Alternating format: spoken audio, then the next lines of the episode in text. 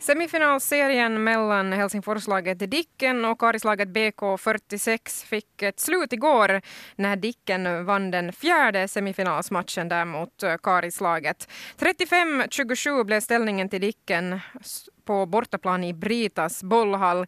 I praktiken betyder det här nu att det blir bronsmatch som gäller för Karisherrarna. Jag Ja, nu BK46-spelare Viktor Westerlund med på tråden. God morgon! God morgon, god morgon.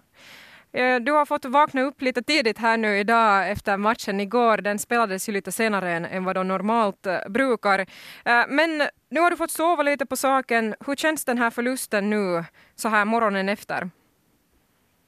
Det är nog en besvikelse, helt ärligt sagt. Att, uh, vi hade som målsättning att komma till finalerna och, och där kom Dicken i vägen. Så såklart är det en liten besvikelse ändå. Ja, ni var ju lite förhandsfavoriter när den här semifinalserien inleddes då, men, men slutligen så, så tog alltså Dicken det med 3-1 i matchsegrar. Men om vi pratar om gårdagens match ännu så, jag menar ni var väldigt starka eh, i, i början av, av den här matchen. Också vid paus var ställningen 15-15. Eh, och minns jag inte helt fel nu så, så ledde ni med några mål ännu i början av andra halvleken. Men vad hände riktigt sen? Jo, vi ledde med tre mål, vad jag kommer ihåg. Och, äh, det löpte på fint och vi hade hejaklacken med oss. Men äh, där steg sen Mikael Mäkelä fram och han tog jättemånga viktiga räddningar och medan de fortsatte just i mål i vårt eget så det är handboll och det vänder snabbt då. Och sen kunde vi stå emot den sista 15 minuter så. Mm. Det var det som var orsaken. Ja, också er tränare eh, Micke Kjellman så berömde Dickens målvakt också för ett väldigt fint spel i, igår. Han tog många räddningar, speciellt där under andra halvlek. Men ni, du sa att ni, ni kunde inte riktigt ta igen där. Blev, blev det lite fel på självförtroende där på slutet? Eh, efter flera missade lägena så gott som alla spelare så jag tror det tar ner lite på självförtroendet.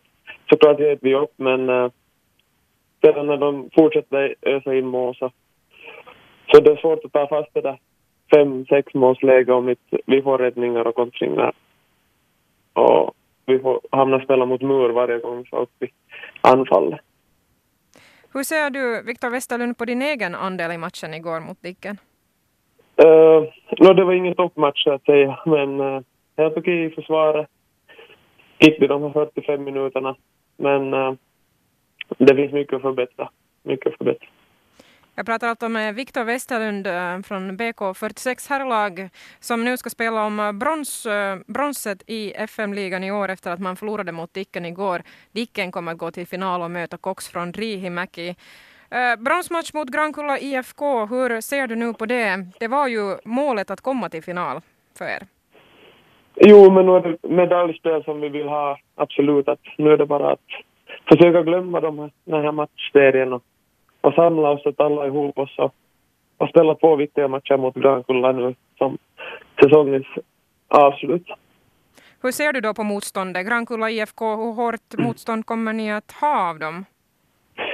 Det är inget dåligt lag att de har bra spelare på varje position. Att, att kommer de upp till bra nivå och vi spelar en dålig match så vad som helst kan hända. Vi måste verkligen koncentrera oss för att för det blir två hårda matcher. Ja, Grankulla IFK som mötte alltså Cox eh, som är regerande mästare i Finland här nu i semifinalserien och lyckades faktiskt slå Cox. Jag tror att det var första eh, förlusten som Cox gjorde där på, på två år. Så Grankulla kan om de vill, visade de då. Eh, vad måste ni i BK46 bli bättre på för att slå Grankulla IFK nu i bronsmatcherna?